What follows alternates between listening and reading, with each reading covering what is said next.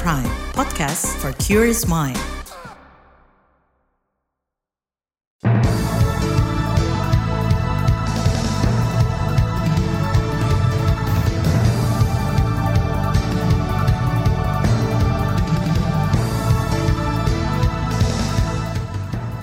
Selamat pagi saudara, berjumpa kembali melalui program Buletin Pagi edisi Rabu 21 Februari 2024 bersama saya Naomi Liandra.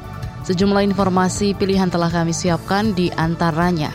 Wacana hak angket kecurangan pemilu tuai dukungan. Presiden Jokowi teken perpres publisher right, AHY dikabarkan bakal dilantik sebagai menteri. Inilah Buletin Pagi selengkapnya. Terbaru di Buletin Pagi.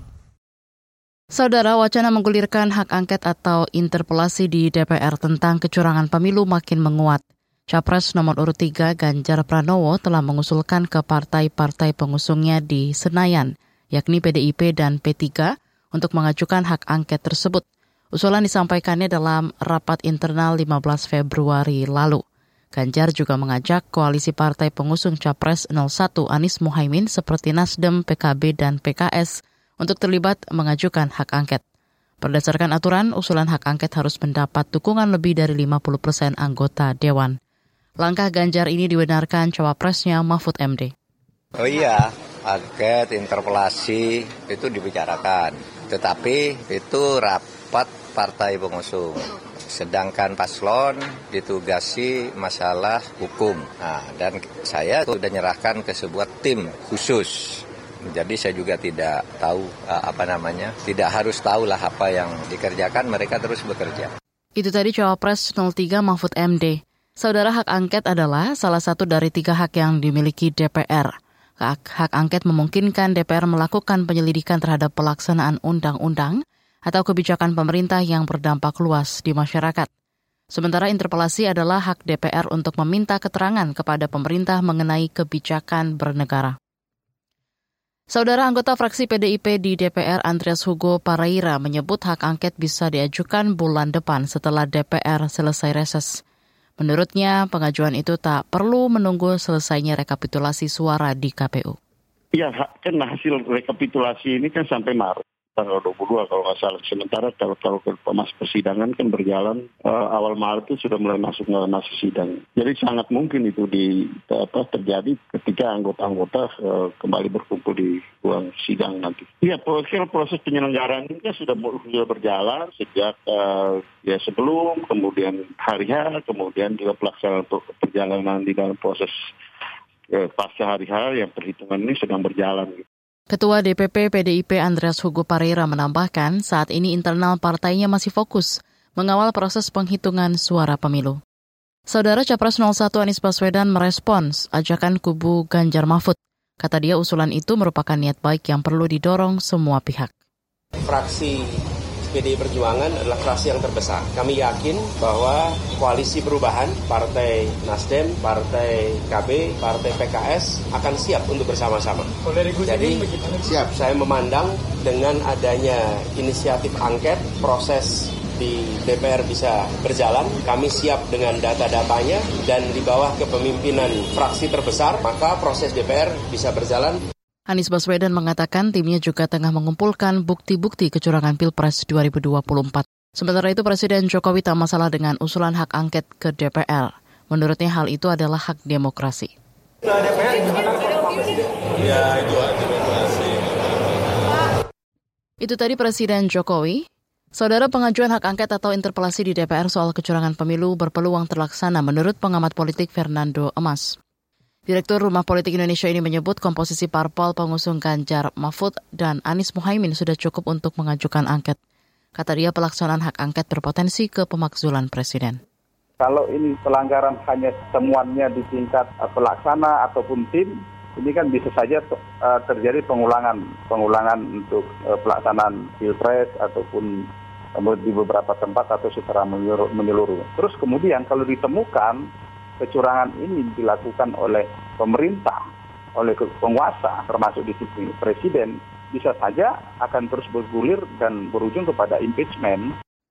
Pengamat politik Fernando Emas menambahkan hak angket kecurangan pemilu bisa terwujud jika ada konsolidasi dan kesepakatan bersama anggota parpol yang ada di parlemen. Saudara Jokowi dikabarkan bakal lantik AHY hari ini. Informasinya hadir usai jeda. Tetaplah di Buletin Pagi KBR. You're listening to KBR Pride, podcast for curious mind. Enjoy!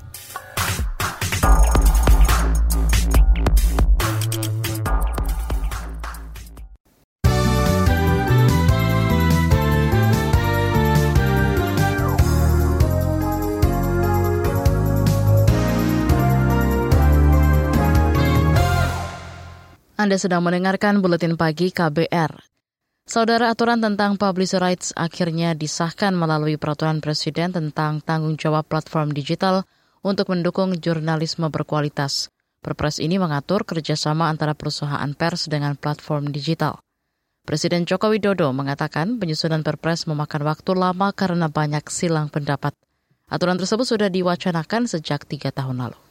Dan saya tahu ini melelahkan bagi banyak pihak, sulit sekali menemukan titik temu. Dan sebelum menandatangani, saya juga betul-betul mendengarkan aspirasi dari rekan-rekan pers. Aspirasinya tidak benar-benar bulat, ada perbedaan aspirasi antara media konvensional dengan platform digital. Platform digital besar juga beda aspirasi, dan kita harus timbang-timbang terus implikasinya. Presiden Jokowi menuturkan semangat Perpres Publish Rights adalah untuk mewujudkan jurnalisme berkualitas jauh dari konten negatif serta untuk memastikan keberlanjutan industri media. Jokowi menegaskan Perpres ini bukan untuk mengurangi kebebasan pers.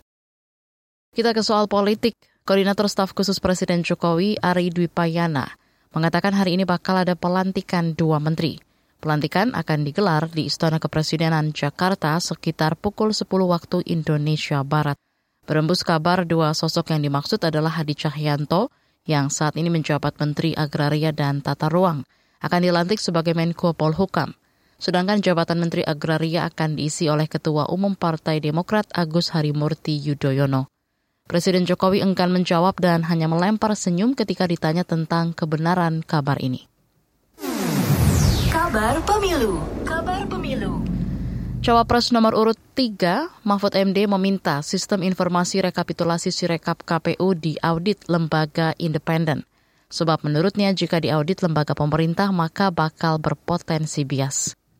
Kejujuran pemilunya itu menyangkut semua, menyangkut masa depan bangsa, menyangkut demokrasi. Itu audit digital forensik supaya e, dilakukan dan itu bisa. Dan e, beberapa hari lalu si Holik dari KPU udah mengatakan siap diaudit. Nah ayo dong, lembaga independen tapi bukan lembaga yang berwenang. Kalau lembaga yang berwenang nanti yang punya pemerintah lagi yang sudah dicurigai kan selama ini. Lembaga independen tadi. Itu tadi Cawapres nomor urut 3 Mahfud MD.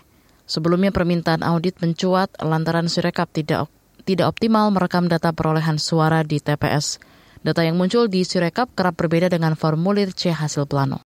Masih terkait pemilu, Capres nomor urut 1 Anies Baswedan mengklaim koalisi perubahan tetap solid. Hal itu disampaikannya menyikapi pertemuan antara Ketua Umum Partai Nasdem Surya Paloh dan Presiden Jokowi di Istana Negara akhir pekan lalu. Koalisi perubahan itu solid dan ketemu. Terus menerus. Terus menerus. Jadi Pak dengan Ketua Partai PKB Gus Imin, Ketua Partai Nasdem Pak Surya Paloh, Presiden PKS Pak Saiku, saya, kita ketemu dan membahas langkah-langkah. Dan kita solid, jadi jangan khawatir, kita jalan terus bersama. Capres nomor urut 1 Anies Baswedan yakin pertemuan Jokowi dan Surya Paloh hanya silaturahmi biasa. Sebelumnya Jokowi dan Surya Paloh bertemu dan makan malam di Istana Negara. Jokowi menyebut pertemuan itu membicarakan masalah politik. Kita ke soal hukum. Sindikat perdagangan manusia sulit diungkap karena mendapat backingan dari pemegang kekuasaan. Kuatnya backing ini membuat kasus perdagangan manusia marak. Menurut Kepala Badan Perlindungan Pekerja Migran Indonesia BP2MI Beni Ramdhani, sinergi antar lintas sektor mesti diperkuat dari hulu ke hilir guna memberantas sindikat perdagangan orang. Saya sering menyampaikan di berbagai forum, dalam ratas di hadapan Presiden bahkan, saya katakan, izin Pak Presiden kenapa sindikat ini tidak bisa disentuh oleh hukum. Karena sebetulnya penempatan ilegal ini tidak lepas dari kejahatan yang terorganisir, yang sistematis dan dibekingi oleh oknum-oknum yang memiliki atributif kekuasaan di negara ini. Ada oknum TNI terlibat, oknum Polri terlibat, oknum kementerian lembaga terlibat, dan oknum di BP2MI, badan yang saya pimpin. Tentu saya harus fair untuk mengungkap ini sebagai fakta kebenaran. Kepala BP2MI Beni Ramdhani juga meminta pemerintah serius menangani perkara tindak pidana perdagangan orang TPPO. Sebelumnya Satgas TPPO Polri mengklaim telah menuntaskan 290 perkara TPPO sepanjang 2023. Kapolri Listio Sigit Prabowo mengatakan angka tersebut meningkat lebih tiga kali lipat dari tahun sebelumnya yang hanya 66 perkara. Kita ke berita ekonomi. Menteri Keuangan Sri Mulyani Indrawati mengklaim Indonesia mampu mengendalikan inflasi di saat negara-negara maju menghadapi tingginya inflasi. Meski begitu, kata dia, pemerintah perlu mewaspadai harga pangan, terutama beras yang akhir-akhir ini mengalami kenaikan. Pemerintah tentu melakukan pengendalian inflasi tidak hanya dari sisi moneter, tapi banyak yang merupakan bagian dari sisi supply dan distribusi. Makanya Kebijakan moneter fiskal terus bekerja sama untuk menciptakan stabilitas harga.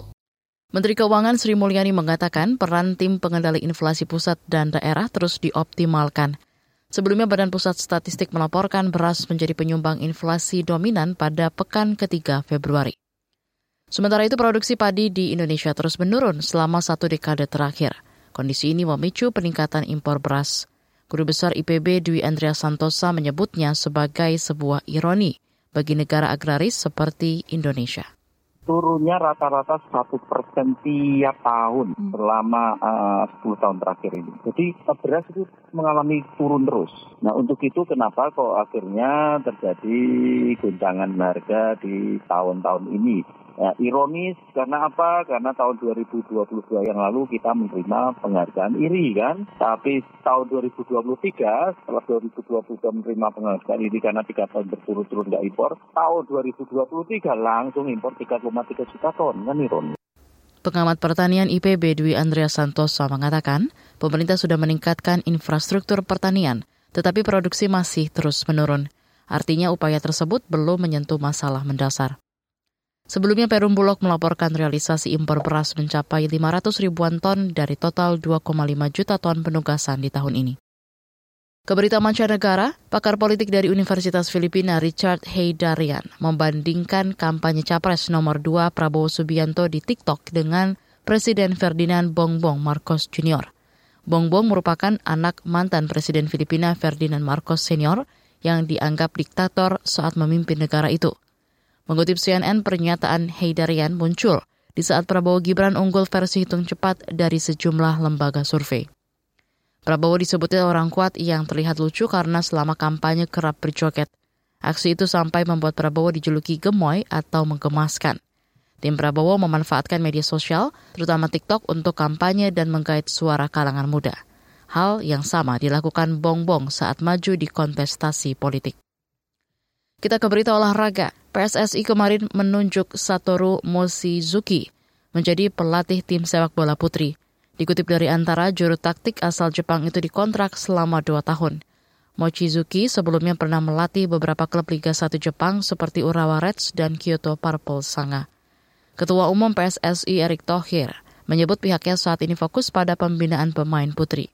Beberapa atlet telah berakhir di kancah internasional seperti Helsia Maisyaro, Sheva Imut hingga Shafira Ika yang memperkuat klub Liga Jepang FC Ryuko Ladies. Timnas Putri Indonesia terakhir mencetak prestasi lolos ke Piala Asia Wanita 2022. Namun Safira Ika Putri dan kawan-kawan gagal melaju ke fase gugur.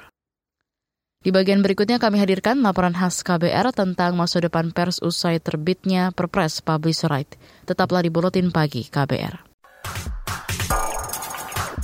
You're listening to KBR Pride, podcast for curious mind. Enjoy!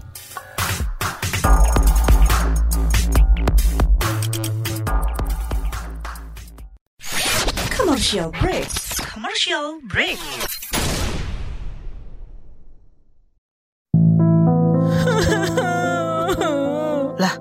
Lah, Gimana kenapa? Gue diputusin Rayhan. Aduh, yang sabar ya, Di. Saran gue, biar nggak terlalu kecewa, kalau jatuh cinta, jangan terlalu mendalam deh. Biar Saga aja yang mendalam. Ih, apaan sih lo? Kok jadi bawa-bawa Saga? Siapa sih Saga? Kepo, makanya kenalan. Saga, cerita tentang nama, peristiwa, dan fakta. Saya siap untuk membuat perubahan. Pasti ujungnya mati. Anggap yang lain itu. Saga menghadirkan kisah-kisah inspiratif, cerita tentang nama, peristiwa, dan fakta. Hasil liputan mendalam yang dikemas menarik dengan kualitas jurnalistik terbaik. Dengarkan Saga di podcast KBR Prime dan di program Buletin Pagi setiap pukul 6 waktu Indonesia Barat di radio jaringan KBR di seluruh Indonesia.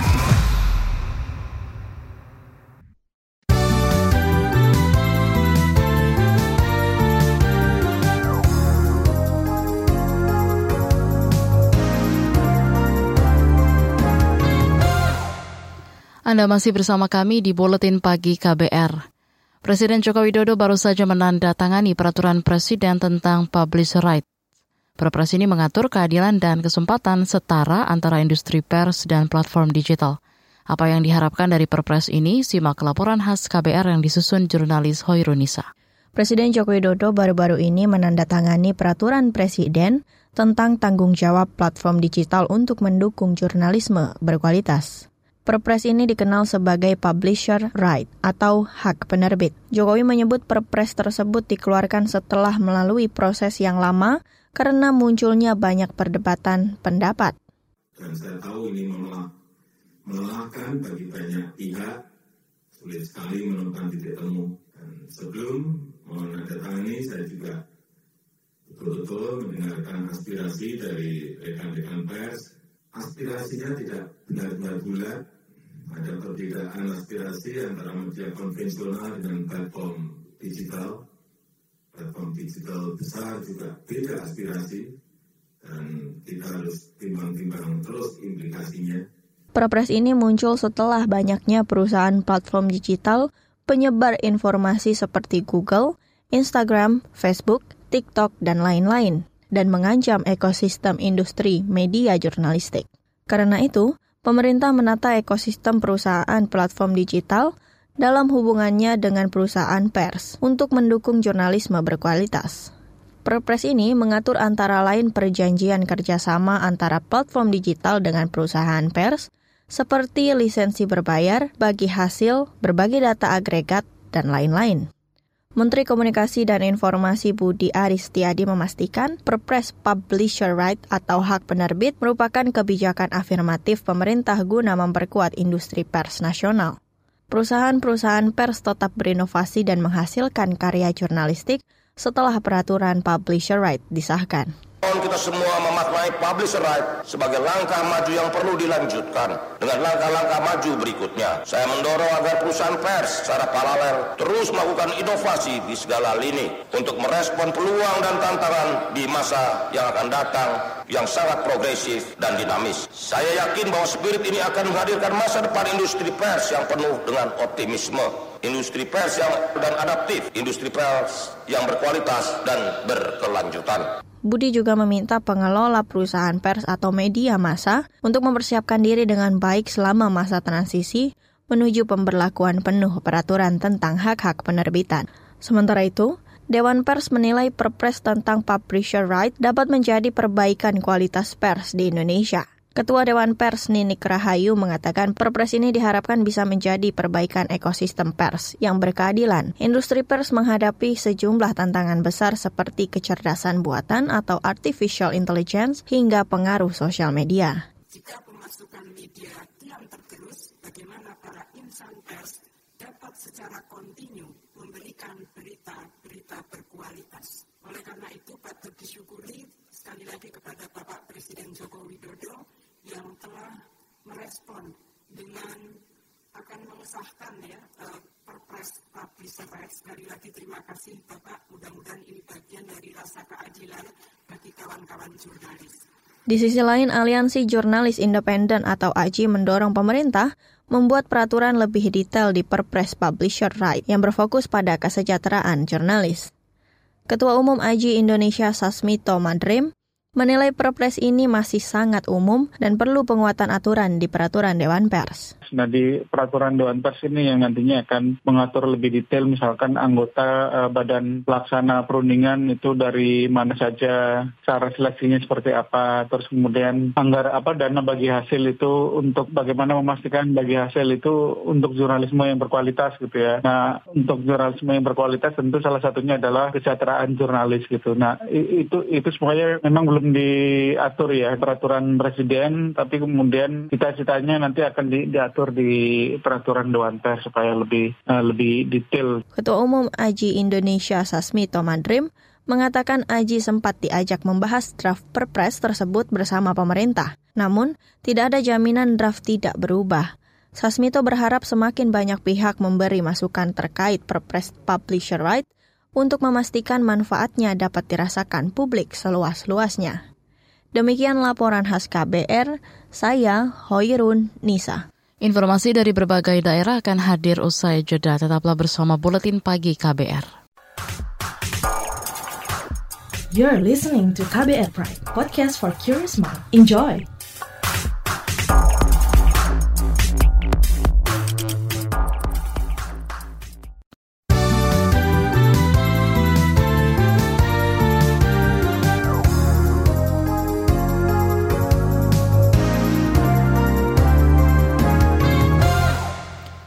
Inilah bagian akhir buletin pagi KBR. Saudara proyek renovasi Stadion Kanjuruhan Malang, Jawa Timur mesti dihentikan.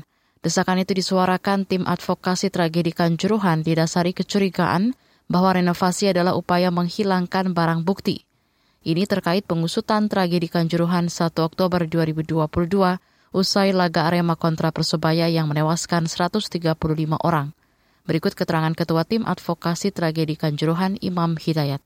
Saya kira kalau mau memperbaiki atau membuat baru silakan saja kan tanah di sekitar Stadion Kanjuruhan juga tersedia banyak ya. Itu saya rasa ada dugaan untuk menghilangkan barang bukti dan memframing ya seakan-akan proses keadilan tragedi Kanjuruhan itu sudah selesai, sudah tutup di sini dengan salah satu usahanya yaitu dengan menghilangkan atau merenovasi tempat kejadian perkara tragedi Kanjuruhan yang menelan 135 nyawa Ketua Tim Advokasi Tragedi Kanjuruhan Imam Hidayat menambahkan somasi juga sudah dilayangkan ke Kementerian PUPR dan para pengembang yang terlibat dalam proyek renovasi Stadion Kanjuruhan. Kita ke Sumatera. Sedikitnya empat pekerja kemarin dirujuk ke Rumah Sakit Umum Pusat RSUP M. Jamil Padang, Sumatera Barat pasca ledakan di pabrik semen Padang.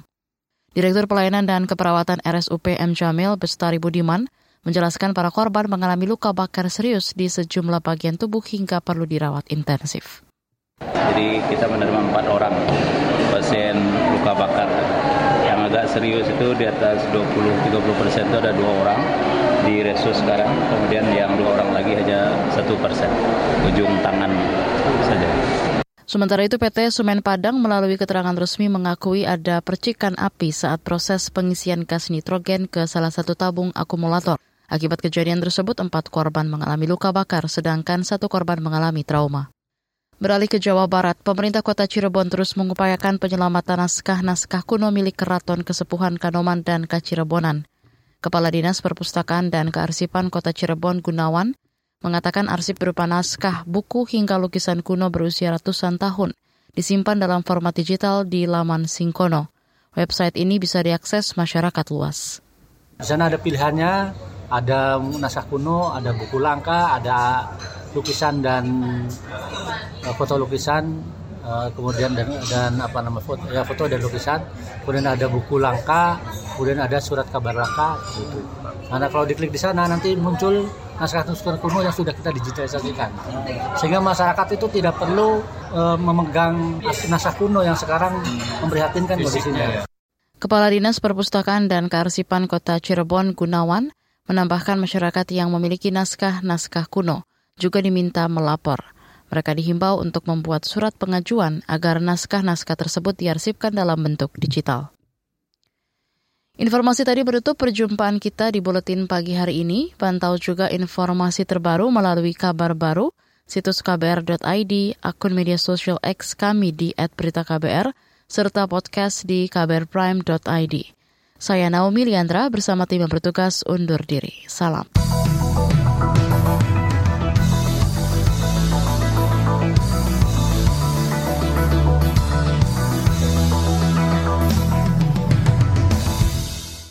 KBR Prime, cara asik mendengar berita. KBR Prime, podcast for curious mind.